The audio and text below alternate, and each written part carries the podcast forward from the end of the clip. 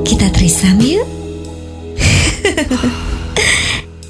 Eits, trisam yang ini beda loh. Trisam, tiga pria, satu masalah. Bersama Bizael, Jody, dan Moreno. Oke, welcome back to Trisam Tiga Tiga pria, pria, satu masalah. Sama gue Bizael Jody Hendrarto. dan Randy Moreno. Yes. Apa kaps para Trisam Udah listeners? kenapa sih Mor lo gak usah, nggak usah ngulang itu lagi jangan dong Lo udah lakuin itu di episode sebelumnya Gak apa-apa. Sekarang lo ulangin lagi suka-suka gue. Kalau yang namanya ibaratnya ngebunuh orang tuh gak dosa Udah gue lakuin Gue juga sih Gue juga sih Aduh, Pasti ya udah. orang pertama yang gue bunuh ya dia nih bener nih Oke, langsung aja kita mau ngebahas Kita kan lanjutkan obrolan kita sebelumnya Tentang pandangan kita masing-masing terhadap dunia politik. Gue adalah orang yang tertarik dengan dunia politik saat ini. Mungkin ti belum belum terlalu dalam dan belum terlalu sepintar itu Maksudnya belum terlalu melek akan politik. Tapi setidaknya gue sekarang ini lagi mencoba belajar untuk memasuki dunia politik.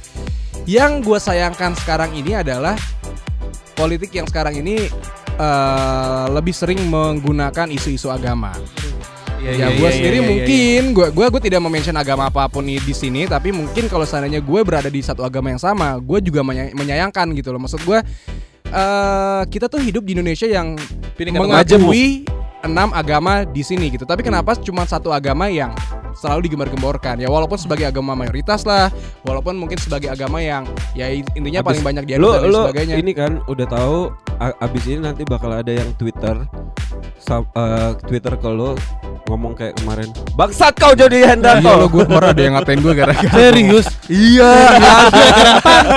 Gara-gara apanya? ada lagi itu gue gue gue tuh gue membacakan berita politik terus ada pendukungnya nggak terima langsung apa dia ini adalah oh ini udah terpilih bla bla bla bla bla. Bangsat kau jadi Hendrarto eh lo yang bangsat balas lo di sini. Gue di media secara on air gue nggak mungkin bisa ngomong kayak gini. Tapi kalau di sini gue bisa. Ini alter ego ya Jody nih. Ini alter ego ya Jody. Ya lanjut Jod, lanjut Jod, terus gue terus Jod. berita- Nah, gue mau gue mau nanya. berita. Eh, Kenapa? gua mau nanya. Lu kan bilang lu bakal mau terjun ke politik. Apa alasan lu sampai lu punya pikiran untuk mau terjun ke dunia ya politik? uang dong. Jawaban yang jujur dari Jody Hendrarto Bagus, bagus, bagus. Gak, tapi gue gak tahu kenapa gue merasa kayak Lagi-lagi uang gitu ya. seru, seru. Nyet politik tuh seru. Emang lu gak ada keseruan dari politik apa? Politik bag- politik itu bagaikan wahana bermain untuk gua. Waduh. Ya betul sih, betul sih kayak buat kayak kayak, kayak main catur gitu ya. Iya iya iya. seru seru. Maksud gua kan kayak lu lu tuh harus kayak lo mencari strategi gimana caranya lo mengatur sesuatu. Lo harus mengatur ini gimana caranya supaya itu bisa berjalan dengan baik Kalau lu jadi caleg, gua nggak bakal pilih lu nyet. ya gue juga gak pernah dipilih sama lu. Eh, gua ada nama gue emang ada di dapil lo kan belum tentu. Dengan alasan lu yang tadi, lu- kalau lu jadi tak caleg, gua nggak bakal milih lu. Enggak lah gue tuh penasaran penasaran dengan kehidupan aslinya sebagai seorang pejabat itu seperti apa ya Oh, lu, katanya lebih, lebih pengen berasa hidup sebagai seorang Bukan, pejabat maksud ya. gini, katanya- daripada merubah Katanya- Indonesia. katanya kalau misalkan, kalau misalkan pejabat itu eh, semuanya adalah digilai dengan harta. Pejabat itu kalau lo pengen jadi pejabat lo tuh harus kaya raya dulu baru jadi pejabat.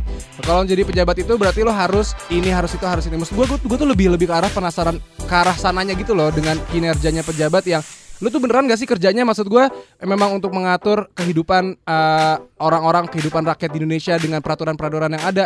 Gue lebih ke arah situ gitu. Oh, kirain lu cuma mau merasakan kehidupan mewah seorang ya itu pejabat. juga. Saya adalah Jody sang penguasa.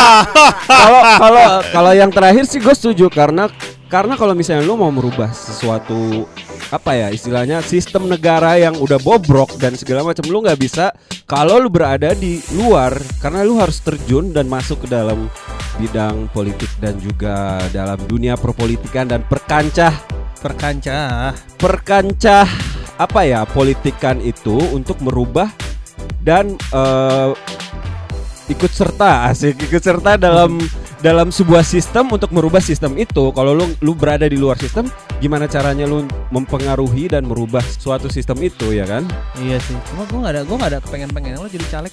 gue overall suka dengan dunia politik tapi gue enak dengan orang-orang atau simpatisan yang masih membawa-bawa isu agama. Iya. Maksud gue kalau memang lo pengen eh, membawa-bawa isu agama di sini, menurut gue tuh bukan di Indonesia tempatnya karena Indonesia di- mengakui enam agama yang berbeda. Itu artinya kita juga diajarkan dari kecil waktu itu pelajaran kewarganegaraan bagaimana cara kita bertoleransi soal agama, kita juga harus menghargai saudara-saudara kita yang Iya, betul. mungkin mempunyai perbedaan agama dengan kita, perbedaan prinsip dan lain sebagainya. Eh, tapi ya, tapi ya gini. Gue baru Gua- mau gini, dia udah tapi duluan. Nggak, Oke. Nggak, tapi begini, gua juga nggak menyalahkan orang-orang yang menggoreng isu agama. Karena apa? Karena orang-orangnya itu juga bisa bisa digoreng gitu loh maksud gua. Jadi gini, Dadakan nggak digorengnya? Tahu bulat. tahu kali. Jadi orang-orang itu juga emang mereka mempunyai potensi untuk bisa digoreng isu agama dan eh, para pihak-pihak yang bertanggung jawab akan hal itu juga mereka melihat peluang itu gitu loh. ya. Hmm. Ya, maksud gua gini loh. Eh, di sini gua udah melihat kayak ya udah gue mau menghalalkan segala cara untuk bisa mendapatkan suara dan menang Ya, gitu loh. jadi- Dan jadi- salah satunya ya menggoreng isu agama itu dan menurut gua kayak gini loh, orang nggak akan tergoreng oleh isu agama kalau eh, Mereka nggak ada ketertarikan. di mereka situ. nggak ada ketertarikan di situ Enggak. gitu loh. Iya iya itu Self itu gue Ah. sedikit setuju tapi secara big picture-nya itu sebenarnya gini. Kalau kita melihat politik ti- kita harus lihat bigger picture-nya gitu loh. Ini jadi misalnya ini kebetulan aja yang dipakai adalah isu agama gitu. Dan kebetulan orang-orang banyak yang termakan oleh isu itu ya kan. Iya. Kalau misalnya dia pakai isu yang lain, mungkin di Indonesia nggak terlalu laku. isu basah, isu kering. Iya iya iya iya. itu iya. tisu Bambang. Bisa, Sama isu magic ya. Iya. gue potong kayak misalkan kalau di Amerika sana eh, isu ras, racial Iya, issue iya, kan. iya. Mereka pakai racial issue karena di sana eh, yang laku tanda Iya. kutip adalah racial issue. Kalau di sini yang laku adalah Isu religion agama. issue gitu. Yes.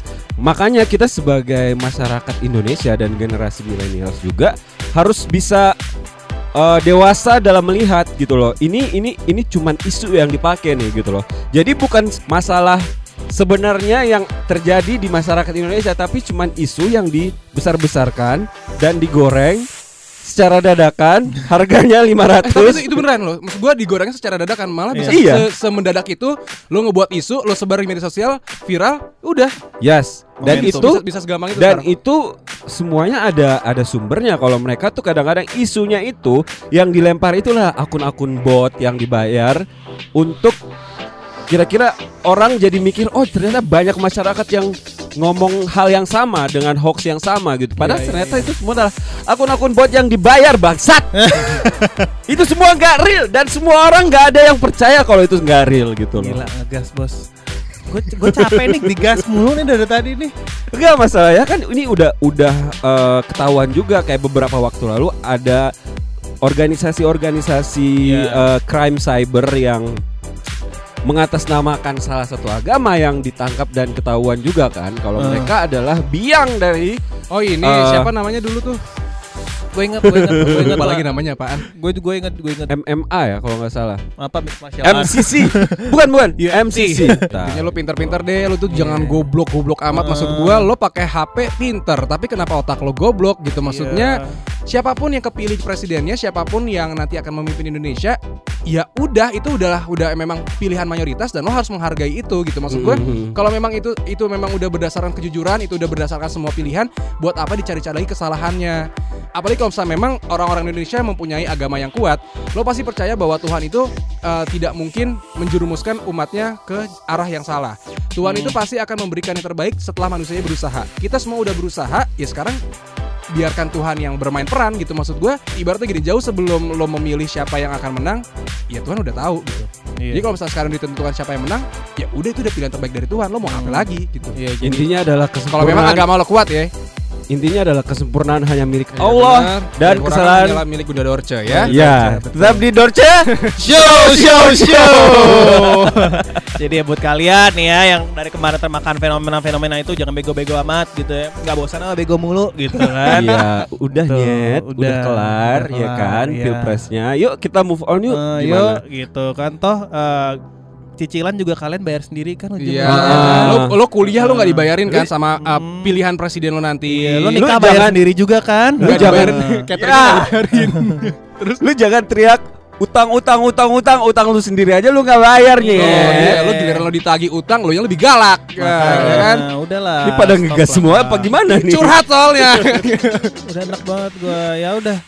Nah, itu tadi eh, masalah-masalah dari fenomena-fenomena eh, pre dan pasca pemilu yang kita hadapi dan itu adalah tadi eh, POV point of view dari gue, Moreno dan Jody.